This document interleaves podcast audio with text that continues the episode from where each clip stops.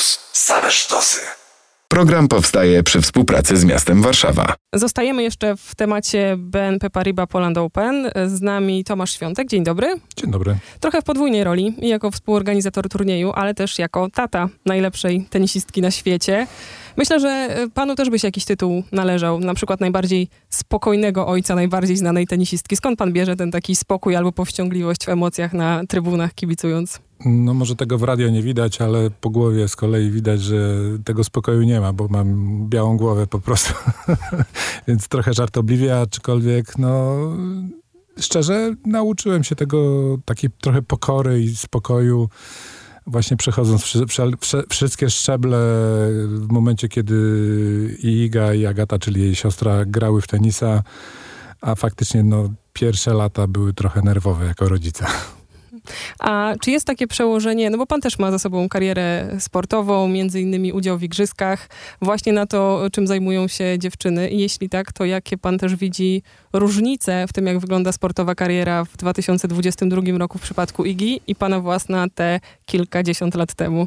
O Jezu, jest kolosalna różnica. Po pierwsze dlatego, że ja trenowałem jeszcze za innych czasów, y, więc y, mój ojciec wtedy do sportu kompletnie się nie dokładał. E, większość powiedzmy była finansowana przez klub i przez federację, natomiast y, no inna sprawa, że tenis też jest taką dziedziną, taką, taką dyscypliną, gdzie e, większość y, obowiązków takich y, finansowania mm, spoczywa na rodzicach i to są jakby te początki i one są najczęściej właśnie trochę za trudne ponieważ koszty są dosyć duże w momencie, kiedy zaczyna się wyjeżdżać już poza obręb własnego miasta, a później jeszcze kraju i wtedy te koszty lawinowo rosną. I w moim odczuciu jest trochę tak, że większość rodziców y, finansowo nie wytrzymuje takich obciążeń. Ale to nie dlatego, że nie chcą, tylko dlatego, że czasami y, zderzają się z brutalną rzeczywistością. Natomiast nie jest to bym powiedział, w żaden sposób porównywalne. No, tamte czasy, kiedy ja uprawiałem sport, a te czasy, no, to trochę jak dzień do nocy. Ale z, czuł pan jakąś taką korzyść, która będzie ze sportu płynęła, jeśli córki będą trenowały? Głównym założeniem było to, żeby obie dziewczyny były dodatkowo zmotywowane tym, co robią powiedzmy w szkole. To znaczy, no szkoła była tutaj zawsze u nas najważniejsza, no chodziły normalnie do, do szkoły, zresztą jeśli jest się czym pochwalić, no to faktycznie mogę powiedzieć, że Iga jako powiedzmy dzisiaj numer jeden na świecie normalnie skończyła szkołę podstawową, normalnie skończyła gimnazjum i normalnie skończyła liceum. To znaczy, oczywiście były tam umówienia, umówienia powiedzmy z dyrekcjami, że Igi, Igi dosyć dużo nie było w szkole, ale układ był taki, że przyjeżdża do, do, wraca do szkoły, dostaje powiedzmy zaległy materiał, ma 3-4 dni do zaliczenia i tak też się działo. Broniłem się wszelakimi sposobami, aby nie dostawać żadnych indywidualnych toków, ponieważ y, w moim odczuciu było tak, że ten indywidualny tok, niechodzenie do szkoły spowodowałby większe rozleniwienie. A tak była zawsze mo motywacja, że musi coś zrobić. Oczywiście to było bardzo ciężkie, tak, bo często było tak, że po prostu i jedna i druga, ja to teraz mogę żartobliwie powiedzieć, ale płakały trochę z tego powodu. Oczywiście trochę w przenośni, bo było naprawdę ciężko, ale jak ja teraz mówię, to się opłaciło. Powody były dwa. Pierwszy to taki, że właściwie faktycznie sam przerobiłem jakiś sport w swoim życiu i wiem, wiem czym to się powiedzmy może skończyć. Może się to skończyć sukcesem, ale najczęściej kończyło się drobnymi porażkami. Zawsze coś się może przydarzyć w, związanego ze zdrowiem, z kontuzją. Może nam się coś nie udać. No, dla porównania powiem z, własnej, z własnego podwórka. Uprawiałem wioślarstwo 11 lat. Y, można powiedzieć, że 7 lat y, w cudzysłowie zawodowo, ponieważ wtedy dostawałem stypendium i z klubu, i ze związku, więc ja to nazywam zawodowo ale w moim na przykład wydaniu okazało się, że nigdy nie zdobyłem medalu Mistrzostw Świata, nigdy nie zdobyłem medalu olimpijskiego. No miałem jakieś drobne wyniki typu właśnie Mistrzostwo Uniwersjady. Mm, to było dosyć przyjemne i sympatyczne, ale moja kariera jakby y, oczywiście była Ja, ja się czuję jako sportowiec spełniony, natomiast oczywiście to jest też tak, że nie do końca w moim jakby wydaniu wszystko zależało ode mnie w 100%. No byłem po prostu, wiosłowałem w czwórkach y, podwójnej, w czwórce podwójnej, więc jakby też byłem uzależniony od trzech swoich kolegów i różnie to się czasami układało. W naszym układzie nie spełniło się, że mieliśmy medal w takim układzie, jak ja wiosłowałem. I to było jakby też y, takim późniejszym oczywiście okresie, kiedy już dziewczyny przyszły na świat, urodziły się ja miałem jakiś pomysł na jakieś sporty, ale gdzieś tam zawsze z tyłu miałem głowy, żeby jednak ten sport był indywidualny, żeby było trochę na zasadzie wygrywasz, to sukces jest twój, przegrywasz, porażka jest też twoja. Do tego jakby dążyłem i przyznaję się, może był trochę błąd ze starszą córą Zagatą, która nie nadawała się do sportu indywidualnego, ale Iga tak. Iga się nadaje do sportu indywidualnego. Jest na to bardzo dużo potwierdzeń i to pierwsze miejsce w rankingu i pewnie jeszcze dużo innych historii, do których będziemy się odwoływać. A czy do pana teraz rodzice uderzają z pytaniami, jak wychować najlepszego sportowca? Oj, to, są, to, to padają często takie pytania, natomiast uczciwie mówię, nie mam recepty na to. Na to naprawdę składa się wiele czynników. E, jedną rzecz, którą mogę podpowiedzieć e, młodym rodzicom, to jest to, że po prostu no, wytrwałość i dążenie do jakiegoś celu, ale to też musi być tak zrobione, że to dziecko musi się zakochać w danej dyscyplinie sportu i to ono musi samo chcieć coś robić, a nie rodzic bardziej niż dziecko ponieważ to jest jakby no, kluczowe, ponieważ no, dziecko jak nie będzie chciało czegoś trenować bądź czegoś uprawiać, no to siłą nie zmusimy, nic z tego nie będzie wtedy. No i w naszym przypadku tak się też stało, bo wydaje mi się, że chyba nieświadomie nawet rozbudziłem tą miłość do tenisa u jednej i u drugiej to nie było zamierzone ani celowe. Yy, I, i, i znaczy, no, dowód na to jest taki w moim przypadku, że był w, w naszym karierze taki, taki moment, kiedy ja już naprawdę trochę miałem słabość taką, znaczy miałem trochę trudności finansowych, bo faktycznie to jest tak, że e, w pewnym momencie się za mocno zaangażowałem w ten sport i moja działalność, bo ja cały czas miałem działalność gospodarczą, trochę zaczęła szwankować. I pamiętam to jak dzisiaj, jak mnie zaczęły dziewczyny namawiać do tego, a jeszcze pojedźmy na jeden turniej, a jeszcze zróbmy, a jeszcze, jeszcze, jeszcze, nie rezygnujmy. I to one mnie wtedy namawiały i to był taki, taki pozytywny bodziec, że faktycznie zrobić wszystko, żeby one jakby były spełnione w tym, co robią, tak? No i tak się tak poukładało. Gdzie się dzisiaj kończy pana wpływ, czy pana rola, jeśli chodzi o takie typowo sportowe działania IGI? Mm, już dawno się skończyła, ponieważ był taki moment, kiedy. Znaczy, ja, ja powiedzmy, nie chwaląc się, odbijam całkowicie amatorsko, tak? Ja nie jestem jakimś tam graczem, po prostu umiem przebijać piłkę, o tak to nazwijmy. E, I moje podpowiedzi, czy do, dla jednej, czy do drugiej, bo zrób tak, czy inaczej, y, często się kończyły na zasadzie, ale ty nie, umie, nie, nie grałeś w tenisa, tak? Więc ja też sobie to uświadomiłem, że ja mogę być jakimś doradcą, ale nie nauczycielem, bo ja nie, nie, nie grałem nigdy zawodowo w, teni, w tenisa, więc ja tutaj nie umiem jakby. Mm, nie jestem żadnym autorytetem w tej dziedzinie, o tak to nazwijmy. Oczywiście często jest tak, że rozmawiamy na wiele tematów, jakby wiele sytuacji, sytuacji, natomiast to jest tak, że dzisiaj to jest bardziej luźna rozmowa. Ja już Igę mm, dawno oddałem w ręce trenerów i, i, i, i, no i chyba nie żałuję z tego powodu. Czy musiała zrobić e, miejsce w swoim kalendarzu na BNP Paribas Poland Open? Bo odkąd, pamiętam, e, gruchnęła wieść, że turniej się przenosi do Warszawy, od razu Iga Świątek i to nazwisko figurowało w takich zaproszeniach czy pierwszych informacjach, które za turniejem szły.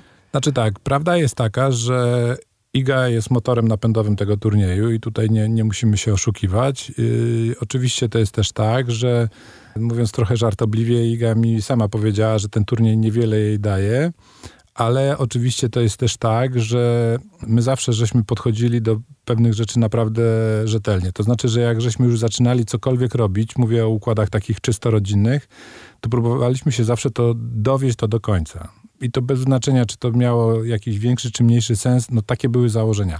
I dokładnie jest tak samo z tym turniejem. Ja też faktycznie słyszę jakieś takie dziwne głosy, że a, bo Iga zagra jeden, dwa mecze i zrezygnuje bądź podda mecz. Absolutnie nie. Iga ma coś takiego w sobie, że generalnie chce wygrywać. I to widać pewnie na, na wielu meczach. To, co wydarzyło się powiedzmy przy tym 38 meczu, którego nie wygrała z rzędu, mówimy o, o, o meczu z Alize Cornet, gdzie przegrała na Wimbledonie, no niestety też jest taka prawda, że Iga jakby mm, trochę gorzej czuje się w graniu na trawie. Tej trawy faktycznie mamy w tym naszym kalendarzu mało i jest dosyć mało tego, tych trening, jednostek treningowych, gdzie powiedzmy można się do tego przygotować. Owszem, była też zmęczona tak mentalnie trochę, że już tyle tych meczów miała wygranych. Mam nadzieję, że Iga wyjdzie na ten turniej nasz i będzie naprawdę brylowała, pokaże, że jest numerem jeden i zrobi wszystko, żeby znaleźć się w finale w niedzielę. Z tym zdaniem się zgodzę, ale chciałabym jeszcze, żebyśmy wymienili kilka innych nazwisk tenisistek i może faktycznie odwrócili to wrażenie, że to turniej jednej zawodniczki. Nie, nie, no wiadomo, to przyjeżdża, przyjeżdżają naprawdę dziewczyny, no z tego co pamiętam ostatnio z listy, to, to z pierwszej setki i, i naprawdę jest mocno obstawiona ta, ta, ta, ta drabinka. Iga faktycznie, no tutaj mamy ją jako numer jeden.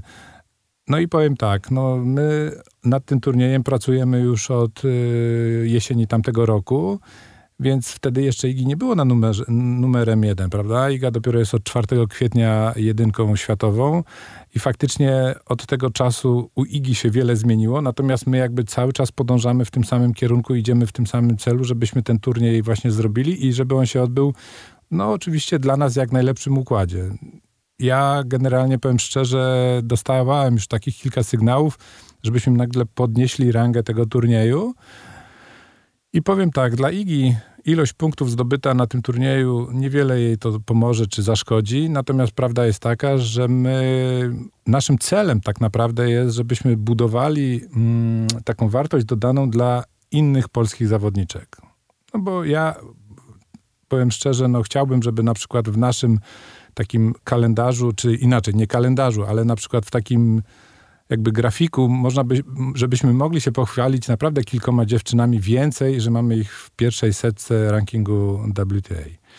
No mamy oczywiście Magdę Frank, mamy Magdę Linet, e, ale to, to jest jakby właściwie koniec tej, tej, tej listy. No jest Iga. Turniej jakby jest z myślą, żebyśmy dawali szansę właśnie młodym dziewczynom, żeby one mogły dostać właśnie te dzikie karty, żeby mogły sobie szybciej zbudować ranking. Dla porównania mamy trzy dziewczyny właśnie e, w eliminacjach i to są młode zawodniczki. Mamy dwie dziewczyny, które jedna jest pewna, to jest Maja Chwalińska, druga jest troszeczkę tak w zawieszeniu, bo czekamy jeszcze na, e, na to, co które z innych dziewczyn takich z czołowych zgłoszą bądź nie zgłoszą. Jeśli się nie zgłoszą, to wtedy mamy tam następną polską zawodniczkę i wydaje mi się, że właśnie to jest ten moment, który pozwoli, jeżeli dziewczyny wykorzystają jakby tą szansę tej dzikiej karty, aby one właśnie wygrały jeden, dwa, trzy, daj Panie Boże, cały mecz, cały turniej i wtedy, żeby odbiły się od tego powiedzmy, no nie mówię dna, ale odbiły się jakby, skoczyły tym, tymi punktami wyżej w rankingu. I, I takie jest założenie, taki jest cel jakby naszej tej organizacji. Wrócę jeszcze do córki. E, czy ta warszawska lokalna publiczność ma znaczenie, albo po prostu polska, bo to pewnie też ludzie z e, całego kraju. Wiem, że Iga jakoś tak, ma taki dobry kontakt z publicznością, lubi. Tutaj też zaczynała, więc zastanawiam się, czy to w ogóle coś dla niej może znaczyć. To jest tak, że mieliśmy taki przedsmak tej drużynówki, która była w Radomiu i faktycznie Iga tam już występowała jako numer jeden i przyznaję się, no hala pękała w szwach i widać było, że jest ogromne zainteresowanie, żeby nagle wszyscy poznali numer jeden i zobaczyli ją z bliska.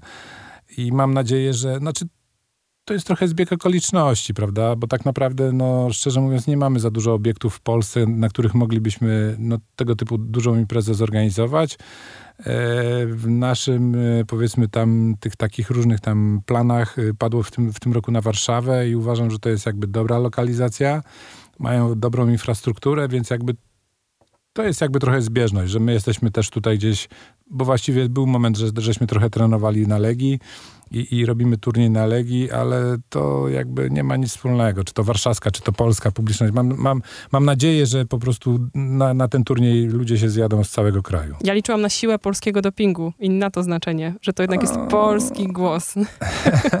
Owszem. Ja mam nadzieję, że tak będzie, bo i, i, tutaj Iga faktycznie, no czy będzie tutaj powiedzmy cały stadion polski, czy nie polski, ale ja mam nadzieję, że to, to będzie miało jakiś wpływ na to.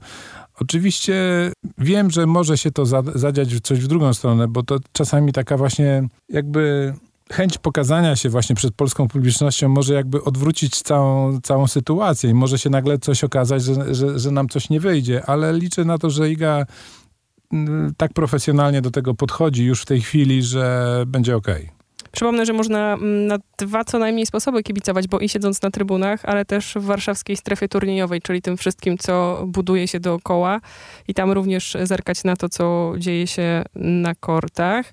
BNB Paribas Poland Open w przyszłym tygodniu w Warszawie. Nie wiem, czy kiedyś to miasto tak długo żyło tenisem. O, ja mam nadzieję, że właśnie będzie jeszcze dłużej żyło, że to właśnie będzie zaczyn do tego, żebyśmy po prostu no, mocniej się rozwijali w tej materii. Ja powiem uczciwie, że jak byliśmy na rozmowie w mieście, to pani prezydentowa i właśnie pan dyrektor y, sportowy był bardzo zaangażowany w to i bardzo byli zadowoleni, że w ogóle żeśmy się zdecydowali na ten ruch do, do przeniesienia turnieju do Warszawy.